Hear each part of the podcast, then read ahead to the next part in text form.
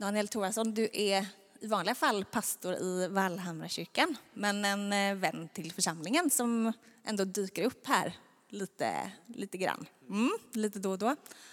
Du hade något eget sätt att presentera dig själv, eller? Nej, jag glömde det. Inget extra alls. Daniel skojade här om innan att han kanske skulle ha en introduktionsfilm om sig själv där ni kunde få veta lite mer om vem han var. Men för, vi ska inte skälla fokus från hans predikan, eller hur? Så blir det ingen introfilm av dig. Ingen introfilm. Nej. Men jag tänker att eh, vi ber dig och sen så ska du få sätta igång och predika. Mm. Ja, Jesus, vi tackar dig för Daniel och vi tackar dig för att han är här. Och att du ska använda honom för att tala ditt ord till oss, Herre. Vi ber att du bara ger honom en frihet, Herre, att tala ut det som du har lagt på hans hjärta, Gud. Och vi ber verkligen att du, heliga Ande, skulle bara göra ditt verk genom det han säger, Herre. Så bara fyll honom nu med din kraft, Gud, och med din auktoritet och med din frimodighet. Det ber vi om. I Jesu namn. Amen.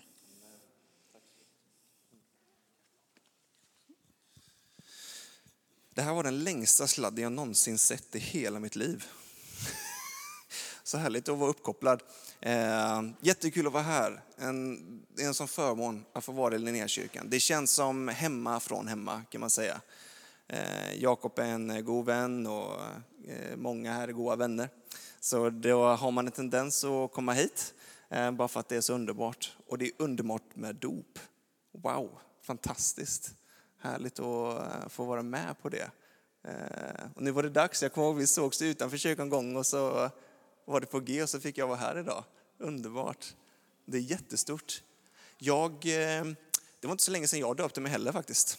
Och det är en annan predikan, men det är, jag, jag förstår fortfarande inte helheten av vad som händer vid dopet. Det är så kraftfullt så jag tror inte vi har en aning. Nu drog jag in er i detta också, men jag har ingen aning egentligen vad som händer. Trots att man har pluggat teologi och allting, så vad Gud gör över det här skeendet, när vi vänder oss mot honom, följer honom ner i graven och uppstår med honom. Det är kraftfulla grejer alltså. Eh, jag är som sagt pastor i eh, Vallhammarkyrkan till vardags.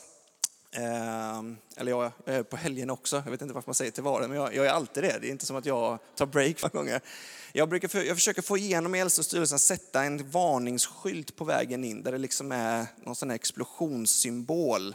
Att in, gå in på egen risk för att det är en stor chans att du blir förvandlad när du kommer in. Så tycker jag att det borde vara här utanför också. För varje gång jag kommer ut från Linnékyrkan så har någon, Gud gjort någonting med mig. Det är fantastiska människor här och det är för att vi tillhör en fantastisk Gud. Så det är inte så konstigt att vi är fantastiska, eller hur? Om man fortsätter att läsa det, det är min favorit där nästan, Om man fortsätter läsa det här i den salmen 139 så står det, jag tackar dig Gud för att jag är så underbart skapad, står det.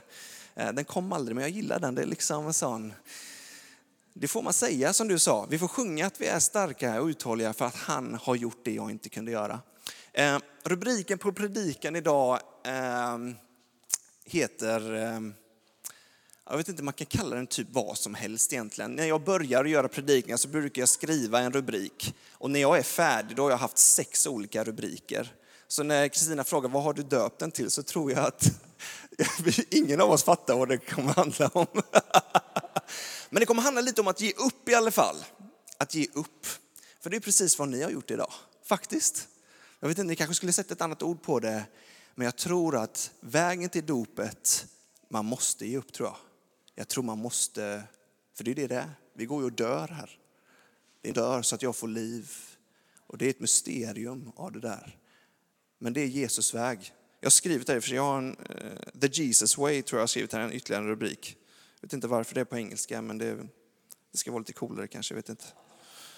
Um, innan jag gick upp här, jag, jag, är inte bara pastor, jag är eh, gift med min fru Miriam och så är jag småbarnsfar. Och eh, jag, eh, när jag drog ut min bibel med mina anteckningar här så hittade jag också en blöja i min, eh, i min jag eh, ville bara säga det också. Det är, liksom, det, det är någonstans så som livet är ibland. Det, man har lite allt möjligt med sig. Jakob trodde att det var ett munskydd först. Men det var det inte. Hörrni, vi ska läsa Guds ord. Ska vi stå upp när vi läser det? Varför inte? Det är ju ändå söndag. Jag ska läsa från Johannes evangelium, från kapitel 13, vers 33. Och så kommer vi gå in på kapitel 14. Är det någon mer som älskar Bibeln här inne? Eller? Jag älskar Guds ord. Alltså det här är vad som håller mig flytande. Annars hade jag, jag vet inte, det hade inte varit mycket för världen alltså. Jesus säger så här, och han säger det till dig idag också, för det är lika aktuellt idag. Mina barn, ännu en kort tid är jag hos er. Ni kommer att söka mig och som jag sa till judarna säger, dit jag går kan ni inte komma. Ett nytt bud ger jag er, att ni ska älska varandra. Så som jag har älskat er ska också ni älska varandra. Om ni har kärlek till varandra skall alla förstå att ni är mina lärjungar. Jag vill bara pausa där. Hur mäktigt är inte det? Alltså, sättet som du och jag är mot varandra, när vi älskar varandra, så kommer världen greppa, förstå att vi följer Jesus. Det är när vi inte har kärlek mot varandra som världen inte riktigt får ihop det. Men när du och jag älskar varandra för att han har älskat oss först, då kommer folk förstå och fatta vem han är. Det, jag tycker det är så stort. Simon Petrus sa till honom, jag tycker det är underbart, Herre, vart går du? Jag brukar, det kommer vara lite så att jag läser och så kommer jag ha lite egna inflik. Men jag tycker det är så underbart hur Petrus bara, han är ärlig och bara, Jesus vart är du på väg liksom? Han är inte som jag ofta bara läser och låtsas förstå ibland. Han bara, jag förstår inte riktigt vart är du på väg? Jesus svarade, dit jag går kan du inte följa med, med mig nu, men längre fram ska du följa med mig. Petrus frågade, Herre varför kan jag inte följa med dig nu? Jag ska ge mitt liv för dig. Jag säger dig sant, Jesus svarade, du ska ge ditt liv för mig. Jag säger dig sanningen, tuppen kommer inte att gala förrän du har förnekat mig tre gånger. Det här är så ofta som det här händer i mitt liv. Att, att följa Jesus har jag en bild av hur det ser ut. Och jag vet inte hur många gånger jag har sagt som Petrus. Jesus, vart, vart är du på väg? Liksom? Jesus säger, ja, men det, det, jag kommer göra nu, det kan inte du följa med, det kan inte du göra någonting. Ja, men jag ska följa med, jag ska ge mitt liv för dig. Och så vänder han upp och ner på det. Jag tror det var Jesus som skulle ge sitt liv för Petrus. Eller hur? Så det är Petrus inflik. Sen kommer nästa lärjunge, för de är tre stycken som inte riktigt har greppat det. Kapitel 14, vers 1. Låt inte era hjärtan oroas. Tro på Gud och tro på mig. Jag tror detta är ett ord för oss just nu inne i covid-19 situation. Låt inte era hjärtan oroas. Tro på Gud och tro på mig. I min fars hus finns många rum. Jesus blickar på himlen. Han håller på att förbereda plats, står det åt oss i himlen. Mitt i detta får vi bara sätta våra blickar på vad som händer där uppe istället för här nere. Under sommaren här så har vi haft lite sommarandakter i församlingen jag är med i. Och andakter, kolla upp det ordet kommer från tyskans andenken som betyder att tänka på någonting. När du och jag tänker på det som är där ovan, jag tror det finns ingen bättre tid än att göra det just nu. I min fars hus finns många rum. Om det inte vore så skulle jag då sagt er att jag går bort för att bereda plats för er. Om jag nu går bort och bereder plats för er så ska jag komma tillbaka och hämta er till mig för att ni ska vara där jag är. Och vart jag går, det vet ni. Den vägen känner ni. Kommer det andra gå här. Thomas kommer fram och säger, Herre, vi vet inte vart du går. ja, men Jesus säger saker som om det vore helt plain. Eller hur? Det är som om folk borde fatta. Och Thomas bara, men jag vet inte vart, Herre, vi vet inte vart det går. Hur kan vi då känna vägen? Jesus sa till honom, jag är vägen, sanningen och livet. Ingen kommer till Fadern utan genom mig. Har ni lärt känna mig ska ni också lära känna min far. Nu känner ni honom och har sett honom. Tredje personen kommer fram, Filippus. Herre, visa oss Fadern så räcker det för oss. Jesus svarade, så länge har jag varit hos er och du har inte lärt känna mig Filippus. Den som har sett mig har sett Fadern. Hur kan du säga visa oss Fadern? Tror du inte att jag är i Fadern och att Fadern är i mig? Orden jag talar till er är inte av mig själv. Fadern bor i mig och gärningarna är hans verk. Tro mig, jag är i Fadern och Fadern är i mig. Och kan inte det, tro då för gärningarnas skull. Jag säger er sanningen, den som tror på mig ska göra de gärningar som jag gör och större än så ska han göra, för jag går till Fadern. Och vad ni än ber om i mitt namn ska jag göra för att Fadern ska bli förhärligad i Sonen. Om ni ber om något i mitt namn ska jag göra det. Innan vi sätter oss ner ska vi bara tacka Gud att det är han som gör det. Fader, vi tackar dig för att du är Gud. Du är Gud idag.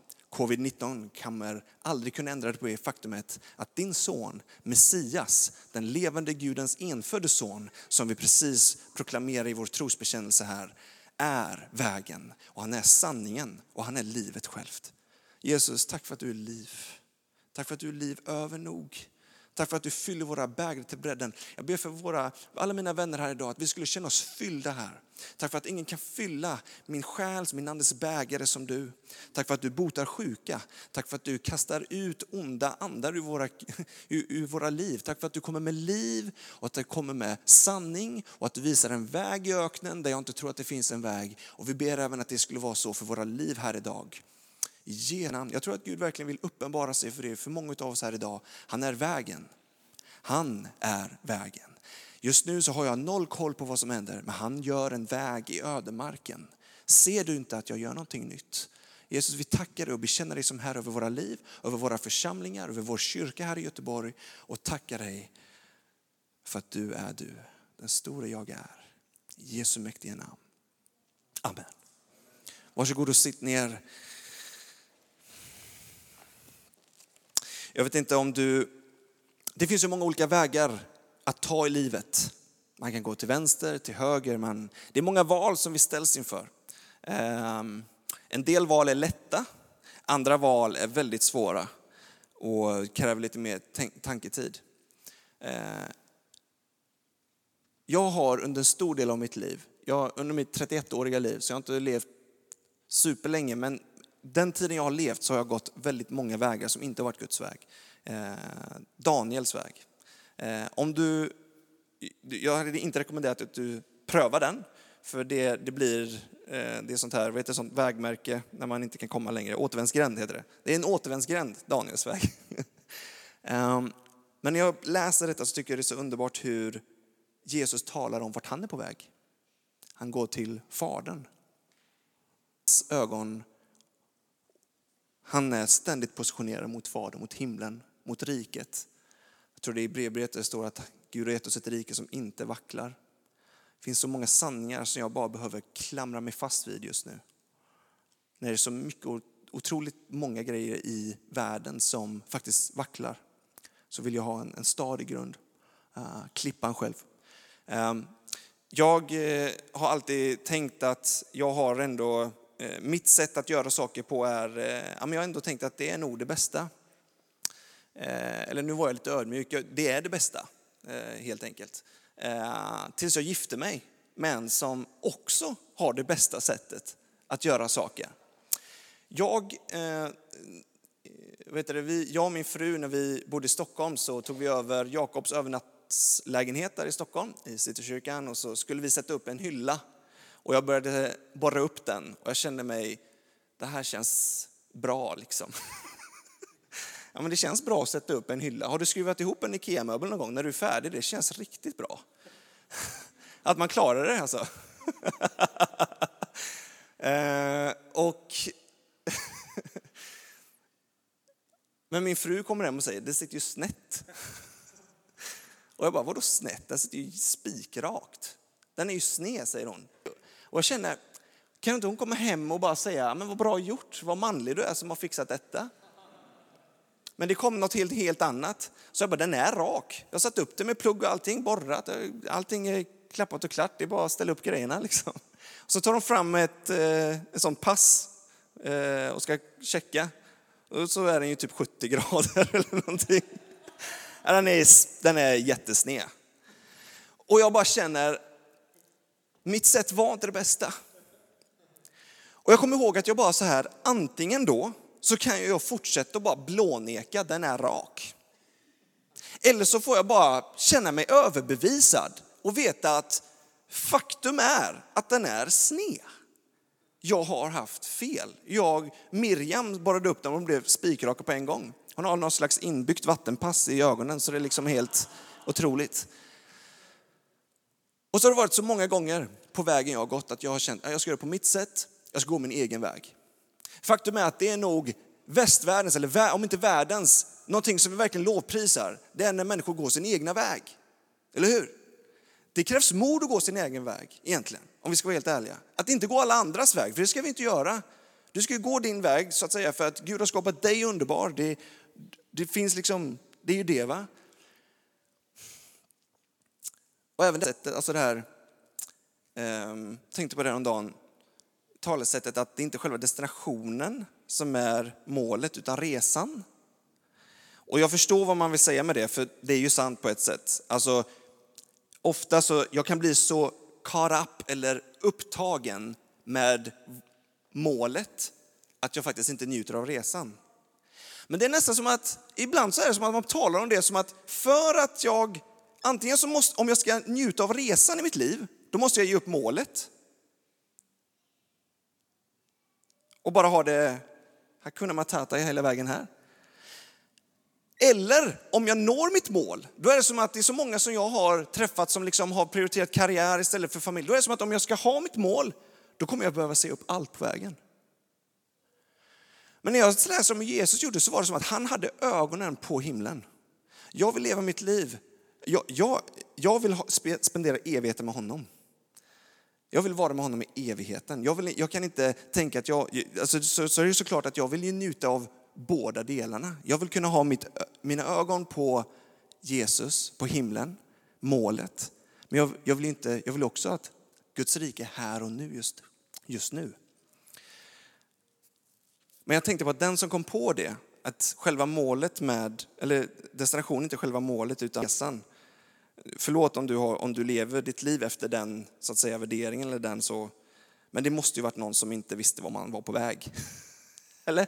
Eller så här, att man liksom på något sätt skjuter undan målet för att kunna, nej, jag ska inte hacka ner mer på det, säg inget, det är inte meningen så. Men jag gick min egen väg Daniels väg. Det var popularitetens väg där jag totalt gav över min identitet och det jag var värd i andras händer. Jag var prestationsvägen, det var där jag verkligen försökte få um, vad heter det, acknowledgement, vet du alltså? respekt ja. Exakt, för det jag gjorde, producerade. Så jag lever idag med att jag älskar att göra bra grejer men jag har inte min identitet i det längre. För nu har jag min identitet i vad Guds ord säger om mig och vad Jesus har gjort för mig. Och därför var det så stort med dop alltså. För där dör någonting bort. Där ger jag upp. Bibeln säger så här. Den som försöker rädda sitt liv, det var precis vad jag försökte göra, ska mista det. Men den som ger upp sitt liv för min skull, han ska rädda det. Det är omvänd matematik i Guds rike. Och det kan verka så märkligt det, mest, det som jag har varit mest rädd för, alltså för vissa är public speaking eller så här liksom offentligt, att tala offentligt är värre än att dö. Eh, jag tycker det här är helt underbart att få sitta här. Alla ni sitter och lyssnar på mig. Det är liksom, det är, så, är det, så är det inte hemma. Det är, det, är, det är en förmån att få göra det man gör. Men det, värsta, det som jag har varit mest rädd för i mitt liv, det har varit att ge upp att kasta in handsken, att, att ge upp. Och det var en stund under min gymnasieperiod då jag, det var så mycket grejer som jag, till slut orkade jag fysiskt inte längre. Så jag, jag kommer ihåg, jag kom innanför dörren, eh, när jag bodde hemma då, så kom jag innanför dörren eh, i min mammas hus. Och jag kommer ihåg att jag bara, det bara sprack för mig. Och jag bara slängde mig ner på golvet, gick ner på knä och bara ropade Jesus, rädda mig! Jag var totalt desperat. Jag orkar inte och jag bara grät. Jag var så slut. Så slut på att försöka, så slut på att e- gå i min egen kraft. Jag var så trött på att tänka vad alla andra tyckte och tänkte om mig. Jag var så trött på situationen och då förstår jag att det finns så många som har varit igenom mycket värre grejer med mig än vad jag har varit. Men just då var det som att jag bara orkade inte längre. Och det var innan jag gav upp så var det det värsta jag kunde tänka mig. Efter jag gav upp var det det bästa jag varit med om. För vad som hände var att jag såg Jesus som en sån tydlig bild så jag har dem i detalj i min... Det kanske är fler som har gjort det. Och det var så, det var så starkt och så heligt så jag, kunde inte, jag vågade inte kolla upp. Jag kunde fysiskt inte kolla upp. Så jag såg bara första centimetern på hans dräkt.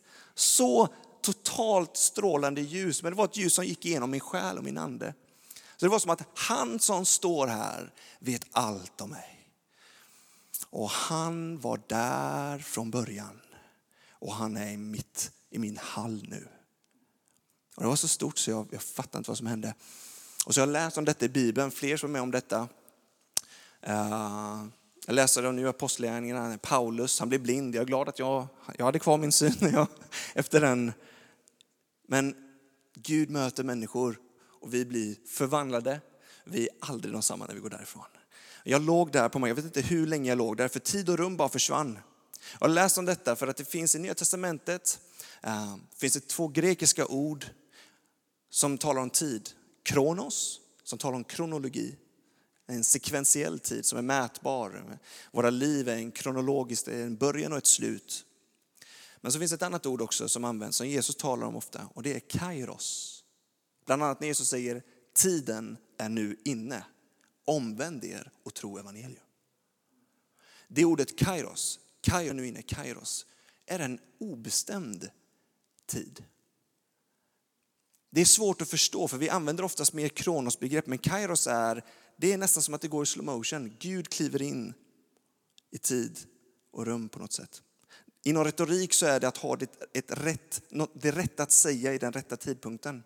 Alltså, det handlar alltså om timing. Jag tycker det är så underbart att vi tillhör en Gud som har en känsla för timing. Han vet när han ska tala, han vet när han inte ska göra det. Han vet när han ska gripa in. Och just då för mig så var det precis då som man kände att nu kliver han in och befriar mig från mig själv. Och det var så underbart efteråt. Jag övergav den dagen min väg valde Jesus väg. Många här inne skulle kunna berätta sina vittnesbörd, sina berättelser om hur Jesus har klivit in i våra liv. Jag är så tacksam att han kliver in. Han väntar också, men han kliver in. Han lämnar de 99 fåren för att söka efter det hundrade. Allt i Gud är att söka upp. Han säger till judarna, till fariséerna att det inte är de friska som behöver läka utan de sjuka. Söker han upp, kommer till Sakaios som är kort till växten, han ser inte Jesus, han klättrar upp i det mullbärsfikonträdet som vi kan läsa om i Matteus, kan du läsa det. Jesus säger, han går fram till det trädet och säger, Sackeus, jag med dig. Han bjuder in sig själv. Jag är så tacksam att Gud bjöd in sig in. Jag hade inte sagt, Gud jag hoppas, nu är det så jobbigt så du behöver komma till mig i min hall sen när jag kommer hem. Nej, utan han bara, han bjöd in sig själv. Han behöver inte nycklar. Han kliver genom väggar om han så måste för att söka upp oss. Jesus väg, the Jesus way. Um,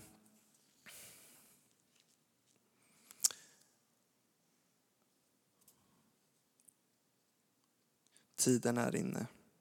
Guds rike är nära. Omvänd er och tro evangelium. Um, att ge upp det är väldigt underskattat. Um, jag har sedan dess behövt ge upp flera gånger. Uh, det är, det är som att det är oftast eller liksom att man, man kanske är inne på något spår som, jag vet inte vad det kan vara, men, men att, att bara kasta sig på, på Jesus, att välja, det, välja hans väg. Och även fast den inte, för den är inte alltid solklar ibland. Som här så tycker jag det är så underbart, hela Bibeln är full av massa antihjältar. Alla de som, skri, som skrivs om i Bibeln har egentligen ganska mycket, ja men det är inga hjältar. Så det är människor som Abraham, trons stamfader, eh, som hade ganska många problem. Eh, Jakob var lögnare, Isak, alla de här hade väldigt många saker som man tänkte, hur kunde Gud använda dem? Lärjungarna, de hade inte koll på något. Här har ändå Jesus varit med dem ganska länge. Jag vill ändå tänka att jag hade nog greppat lite mer än Thomas där. Och ändå, så Jakob får ett nytt namn, Israel. Ändå så är det när, när Gud, Fader, Jehova presenterar sig, Javé, presenterar sig för människor. När Mose frågar, vem är den här brinnande busken? Så här, jag är din, dina fäders Gud, jag är Jakob, Abrahams, Isaks och Jakobs Gud. Han säger inte Israels Gud då, utan han låter sitt namn bli affilierat så att säga med det som faktiskt inte var så bra med deras liv kanske. Jag vet inte, det var bara en tanke jag hade häromdagen. är Det, han älskar att kliva in. Um,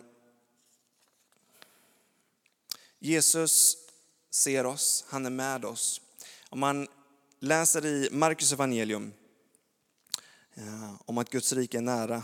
Uh, det är precis när Jesus börjar samla människor omkring sig som, som man ber följa. Och i Markus evangelium kapitel 1, vers 16-20 så står det så här, så gick Jesus kring den galileiska sjön. Och då står det att då såg han Simon och hans bror Andreas. De stod och kastade ut näten, för de var fiskare. Jesus sa till dem, kom och följ mig så ska jag göra er till människofiskare. Genast lämnade de näten och följde honom. När han kom lite längre fram så såg han Jakob, Sabedaios son och hans bror Johannes. De satt i båten och gjorde i ordning sina nät.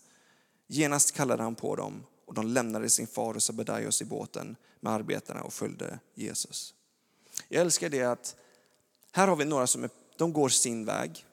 De går sin egen väg. De är fiskare, de uh, judar, men de, de gör det som är deras vardagsarbete. Och så älskar jag att det står att Jesus såg dem. Han gick längs sjön, såg Simon och hans bror Andreas. Längre fram så står det, genast lämnade de nätet och följde honom. När han kom lite längre fram såg han Jakob och hans bror Johannes. Han lade märke till dem, kommer fram till dem och säger, följ mig. Och de lämnade någonting för att följa honom. Vet du att det är alltid inte någonting, att, att följa Jesus, det är nästan som att det alltid innebär att läm, lämna något. Att droppa någonting, det man har för händerna för att följa honom. Att lägga ner någonting för att plocka upp någonting annat. Ändra riktning i sitt liv. Um,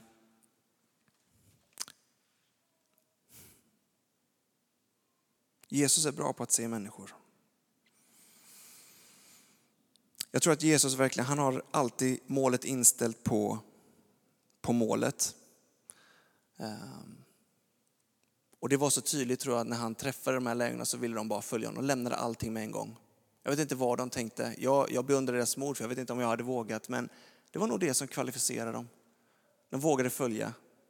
Gång på gång så ger Jesus dem flera möjligheter att följa honom.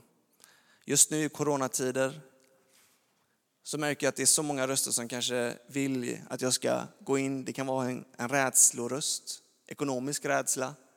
Uh, vi har, I Vallhamnkyrkan har vi aldrig fått in så många, man kan gå ut på vår hemsida och så, nu har vi ju kört lite webbsändningar och sånt. Och det är folk från hela, olika delar, nu låter hela Sverige, alla skriver till Vallhamnkyrkan, så är det ju inte. Men man skriver, det är från Örebro, det är från Stockholm, det är från Luleå hade någon nu. Och de flesta handlar om ekonomiska situationer. Och så bad vi för det idag. Och jag tycker det är så underbart hur man får med och be för de där grejerna. Oavsett vad, vad, som, vad som kan vara någonting som liksom drar fokus från Jesus just nu. Oavsett om det är ens dagliga levebröd som det var för de här lärjungarna, fiskarna, sitter och fixar i ordning näten för att åka ut. Så följde de ändå Jesus när han kom. De la ner det de hade för att följa honom. Och jag tror jag skulle vilja idag, och det är att är det någonting, jag märker att ibland så börjar jag liksom nästan plocka upp saker igen. Är det någonting som, jag, som vi kan lägga ner för att följa honom? Inte som en frälsningspryl nu, utan mer som att Gud, jag vill ta upp detta igen. Jag vill ta upp motsatsen till rädsla, kan inte vara bara veta att jag är så älskad av honom. Guds kärlek kastar ut all rädsla, står det. Alltså Guds kärlek är så våldsam mot rädsla att den kastar ut rädslan ur våra liv. Um.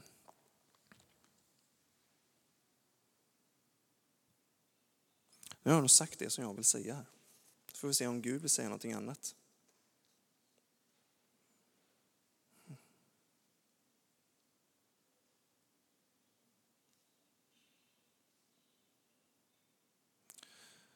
Ska vi göra så att vi ber lite ihop? Vi kan stå upp när vi gör det, bara för att få lite blodcirkulation um, i kroppen. Men jag tror verkligen att Gud vill gripa in och, och tala till dig och mig som bara han kan göra. Um, för han känner dig och mig så väl. Så vi inbjuder dig heligande Kom och fyll det här rummet som vi är i just nu. Tack Jesus för att du, när du talar, så skakar liksom jordens grundvalar på något sätt. Tack för att du säger att du är vägen, du är sanningen och livet. Jag tackar dig Gud för att du gick den väg som ingen annan kunde följa med dig på. Vi kunde inte göra det du gjorde, vi kunde inte besegra döden, men det gjorde du och du triumferade. Vi talar din seger över varandra just nu. Liksom bara ta som en enda stor vimpel av segerbaner över våra liv i den här tiden. Där vi totalt förlitar oss på dig. Heligande. Tack Jesus jag tror att Gud håller på att ta vissa av er, alla, men, men vissa kanske lite särskilt just nu, väldigt mycket djupare i hans relation, i, i er relation. Um, på så vis att du kanske trodde att du kände honom, men precis som, som det var för lärjungarna, när Jesus väl gör det Jesus gör, stillar stormar och sånt som han är väldigt bra på, då blir lärjungarnas respons inte halleluja, praise the Lord, utan det blir vem är han? Vem är den här Jesus? Herre, jag tackar dig för att du för oss in på en väldigt genuin och äkta och ärlig. Där du klär av oss totalt av allting som jag försöker ta på mig. Herre, vi ger upp det för dig. Hmm. Jag tror det finns en, en, en öppen dörr för att ge upp här också. Jag skulle vilja bjuda in dig att hålla avstånden här och Kristina du får med om jag säger något som vi inte ska göra. Men det finns en möjlighet här. Jag älskar att det i kyrkor finns en trappa så här. Liksom. I vissa församlingar så finns det liksom en böja knäbänk eller det som man kallar för första bänk. Men det finns möjlighet här för dig som vill att gå ner och böja dina knän för honom. Som en position av överlåtelse och säga Gud jag ger upp det här området på mitt liv. Jag lägger ner min rädsla för detta. Eller vad det än kan vara. Det kan till och med vara för någon annan person. Det behöver inte vara för dig. Det kan vara att du har gått och burit på en syster eller bror som går igenom saker nu som är oerhört destruktiva. Och du vill bara hjälpa dem men det tycks inte nå fram. Så jag tror Jesus säger bara ge, ge dem till mig. Ge upp inför mig. Det är helt frivilligt men jag tror det är en Jesus inbjudan. Så vi får be och tacka dig Jesus för att du gör det som du gör. Du gör en väg i ödemarken. Du delar hav så att vi kan gå rakt igenom på torr mark. Där elden inte ska sveda oss på något sätt utan där vi får gå igenom helt oskadda på andra sidan. Jesus, kom heligande och gör någonting, gör någonting nytt. Fortsätt att göra det du gör. Jesus Kristus, heligande. Jag tror också att det här att det är för Många av oss kan det vara lite som när Jesus möter den samariska kvinnan. Och så springer hon in för att Jesus har precis profeterat över hennes liv, allt hon har gjort. Att hon levt som prostituerad och så vidare. Och så går hon in i staden och berättar det för dem och de springer ut till Jesus och han stannar hos dem några dagar. Och sen så säger de till kvinnan, nu tror vi inte bara för dina ords skull, vi har själva sett och nu vet vi att han är världens frälsare. Jag tror att Gud tar oss djupare med honom också, att ta dig djupare. Inte bara att du tror på honom för vad andra har sagt, utan nu har du en egen erfarenhet. Tack heligande för det. Jesus Kristus, vi tar emot dig nu. Vi tackar dig för ditt ord. Vi tackar för att allt handlar om dig. Vi gör dig kung i våra liv. I Jesu namn. Amen.